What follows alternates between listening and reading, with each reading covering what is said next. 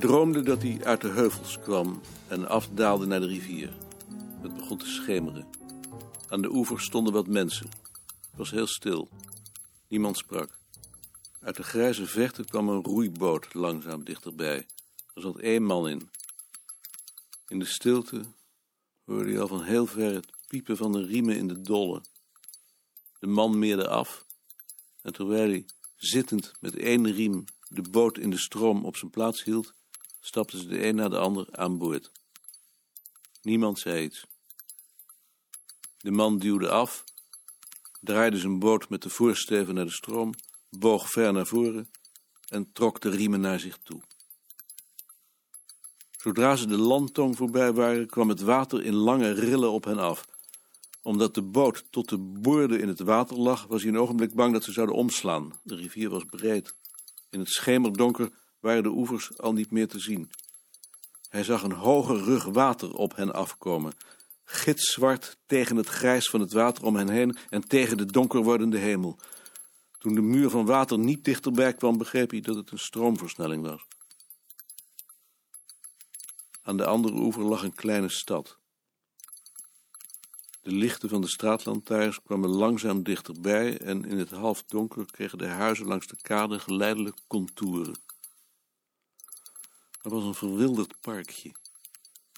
Oude tramwagens rangeerden over een dubbel spoor voor ze langs het park terugreden naar het station. Er stond een kiosk. Er was een kleine kermis. En overal liepen mensen. Als in de 19e eeuw. Hij stapte aan wal en liep in de menigte langzaam in de richting van het centrum op zoek naar een verblijf voor de nacht. Om zich heen zag hij alleen vriendelijke, vrolijke gezichten. Niemand lette op hem, niemand kende hem. Dat gaf hem een geluksgevoel. En daarmee werd hij wakker.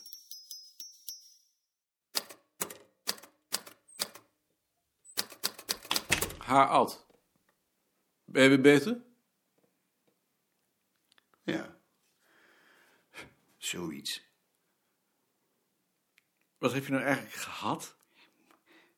Moe ogen. En warm. Meer niet. Dat lijkt me wel genoeg, vind je niet? Vind je dat normaal soms? Ik weet niet wat normaal is. Oh nee. Heb jij dat nou nooit? Dat als je de hele dag op bureau geweest bent, dat je dan s'avonds te moe bent om nog naar de televisie te kijken? Wij hebben geen televisie. Oh nee. Misschien is dat ook maar beter. Maar als ik de hele dag op het bureau gezeten heb, ben ik s'avonds ook moe. Zie je wel. Het ligt aan het bureau. Wat mankeert er dan aan het bureau? De hele dag mensen om me heen. Misschien dat ik daar niet tegen kan. Dat is vermoeiend, ja. Kun jij hier eigenlijk werken? Als wij in de kamer zijn. Moeilijk. Maar dat heb ik nooit gekund. Ook niet toen ik nog alleen met Beerta zat. En als je nou een commentaar moet schrijven of een boek moet recenseren. Dat doe ik thuis. En dan voor je vijftigste met een hartinfarct naar het ziekenhuis zeker. Zo gauw krijg je geen hartinfarct. Nou, maar ik heb het er niet voor over. Je hoeft het ook niet. Hé, hey, Ad. Ik zag je niet. Ben je weer beter? Zo'n beetje. Ik maakte me al zorgen. Hoeft niet hoor. Maar loop nu niet weer te hard van stapel, want dan heb je het zo weer. Nee hoor. Ik zal oppassen. Als je dat dan ook maar doet. Jij hebt toen verteld dat toen je hier voor het eerst kwam met Balk, dat hier toen allemaal kleine kamertjes waren. Zou u die niet kunnen laten herstellen? En Beerta dan? Die komt dan in een donkere gang te zitten. Gaat hij naar Jan. Dat kan niet. Als je liever ziet dat wij er onderdoor gaan. Dat is natuurlijk onzin. Bovendien vind ik dat wij ons niet kunnen afsluiten, zolang we niet weten wat we met dit vak willen. Maar, het was maar een idee. We zouden natuurlijk wel kunnen instellen dat ieder van ons een dag of twee halve dagen thuis mag werken. Misschien zou dat al wat zijn. Zo, ik hoor dat je weer beter bent. Van wie heb je dat gehoord? Van Slofstra natuurlijk. Hebben die staalpilletjes nog genomen? Ja, maar die helpen niet. Want ik heb het nog eens nagelezen en het is vast bloedarmoede wat jij hebt. Dacht je? Maar ik kwam ook vragen of jullie niet een paar platen van Jetses voor me hebben, voor in de bibliotheek. Goedemiddag. Muller, Asjes. Dag, meneer Buitenrust. Het Dag, professor. Dag, Kurt. Kan ik hier mijn brood opeten? Ga zitten. Weer melk? Dat wil ik wel. Van het praten heb ik een droge mond gekregen. Is Anton er niet? Anton is in Middelburg. Ik haal beneden even een glas voor je.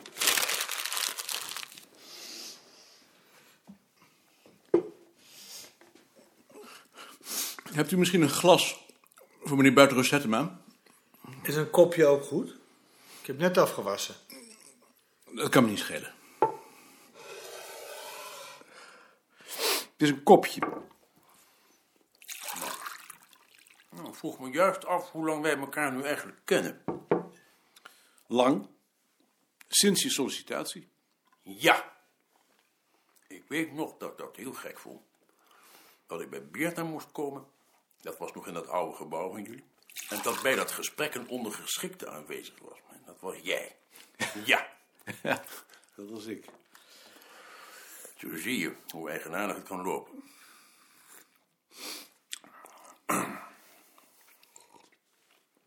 Hoe was je college? Dat was heel aardig. Het zijn over het algemeen aardige kinderen. Of jonge mensen, moet ik eigenlijk zeggen. Hoeveel heb je er nou nog over van de twaalf? Zeven. Maar dat vind ik eigenlijk wel genoeg. Ja, dat lijkt me ook wel. Ik heb dat artikeltje van je in jullie mededelingenblaadje gelezen. Er stonden een paar aardige opmerkingen in. Ik heb die nog genoteerd voor mijn colleges. Over die verschillen als je de grens bent gepasseerd? Bijvoorbeeld, ja.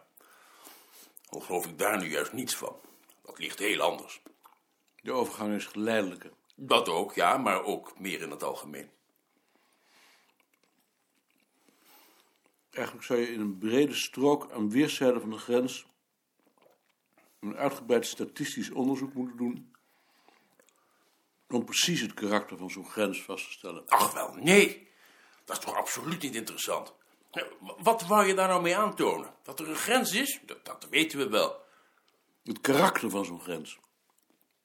Ja, en wat wou je daar dan mee bewijzen? Als ik zoiets zie, dan vraag ik me af wat het voor de mensen betekent. En niet of het 15 kilometer verderop ook nog voorkomt. Dat interesseert me nou absoluut niets. Ik zeg wel eens tegen Lies, hè, Lies dat is mijn vrouw.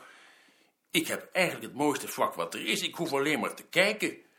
En dan is er zo ontzettend veel wat je opvalt. Daar heb ik geen statistisch onderzoek bij nodig. Liever niet zeg. Ik heb wel wat anders te doen. Wat vind je van de atlas? Eerlijk gezegd heb ik nooit begrepen wat Anton heeft daarin zien. Verspilling van tijd en intellect. Laat de commissie dat niet horen. Ad wil van deze kamer weer aparte kamertjes maken zoals het vroeger was. Ik ben daar niet voor, maar ik wil graag weten hoe jullie erover denken. Waarom wil je dat? Omdat ik s'avonds moe ben. Moe. Ben jij dan niet moe s'avonds? Ik niet. Ik geloof dat ik wel begrijp wat Ad bedoelt. Ik ben s'avonds ook vaak moe. Ja, maar jij hebt slechte ogen, dan zou ik ook moe zijn. En jij zit alleen, dus jij kan er niet eens over oordelen. Daar heb jij weer gelijk in. En als je nou de hele dag bezoekers hebt gehad, ben je dan ook niet moe? Nee hoor, ik zou niet weten waarom. nou, ik ben s'avonds moe. Ik kan nog net een uurtje televisie kijken en dan is het afgelopen. Dat kan ik heel goed begrijpen van Ad. Wat doe jij s'avonds dan? Een beetje timmeren, een beetje lezen televisie. Als er wat is dan. Want er is niet zoveel. En om half twaalf eten we vaak nog een stukje kaas.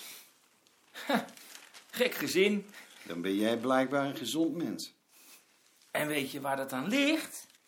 dat jij geen vlees eet. Daar word je moe van. Dat vegetarisme is de pest voor een mens. Neem dat maar van mij aan. Als je iedere dag een goed stuk vlees had, dan was je om de donder niet moe. Behalve dat je daar weer kanker van krijgt. Weet ik niks van. Dan zal ik eens wat artikelen voor jou meenemen. Dan kan je eens lezen hoe gezond dat is. Ja, uit die vegetarische krantjes zeker. Dat zegt me niks. Die zijn overal tegen. Ik weet ook niet of je daar wel gelijk in hebt. Dat ligt er helemaal aan hoe het vlees behandeld is. Nee, ook als het goed behandeld is, zoals jij dat noemt. Ik bedoel dat niet denigrerend. Ik heb veel respect voor mensen die voor een vegetarische levenswijze kiezen. Zullen we terugkeren naar ons uitgangspunt? Alsjeblieft.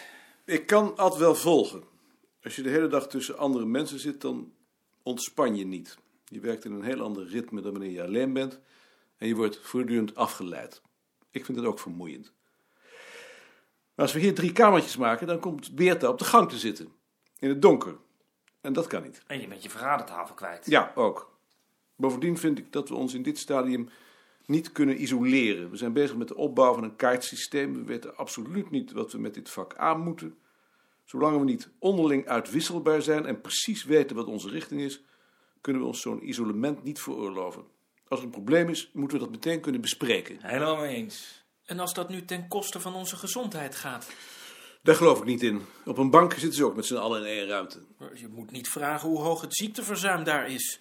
Maar dit is toch zeker geen bank? Je moet dus aan iemand vragen die op een bank werkt. Die mogen niet eens naar het toilet als ze nodig moeten. Mijn vader werkt op een bank. Nou, dan zal die je nog wel wat anders kunnen vertellen. Maar als we dus allemaal één dag of twee halve dagen per week thuis werkten, zou dat een oplossing zijn? Ik wil het wel proberen. Jij wilt het wel proberen. Bart, Betekent dat dan dat je van ons verwacht dat wij thuis aan een publicatie werken? zolang je er geen behoefte aan hebt, hoef je van mij niet te publiceren. Dan wil ik er nog wel eens over denken. Goed. Jan? Voor mij hoeft het niet hoor. Jullie mogen wat mij betreft naar huis. Maar Jan Boerakker blijft. Er moet toch ook iemand zijn om de bezoekers te ontvangen? Heb jij die declaraties van Iem Boerakker eigenlijk wel eens gecontroleerd? Hier. 220 gulden voor 21 fiches. 10 gulden per fiche. 1, 2, 3, 4, 5, 6, 7, 8, 9, 10, 11, 12, 13, 14, 15, 16, 17, 18, 19, 20. Zijn ze dat allemaal? Ja.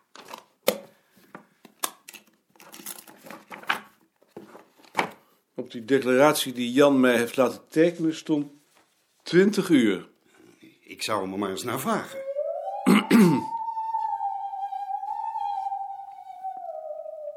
Meneer Koning, Ja?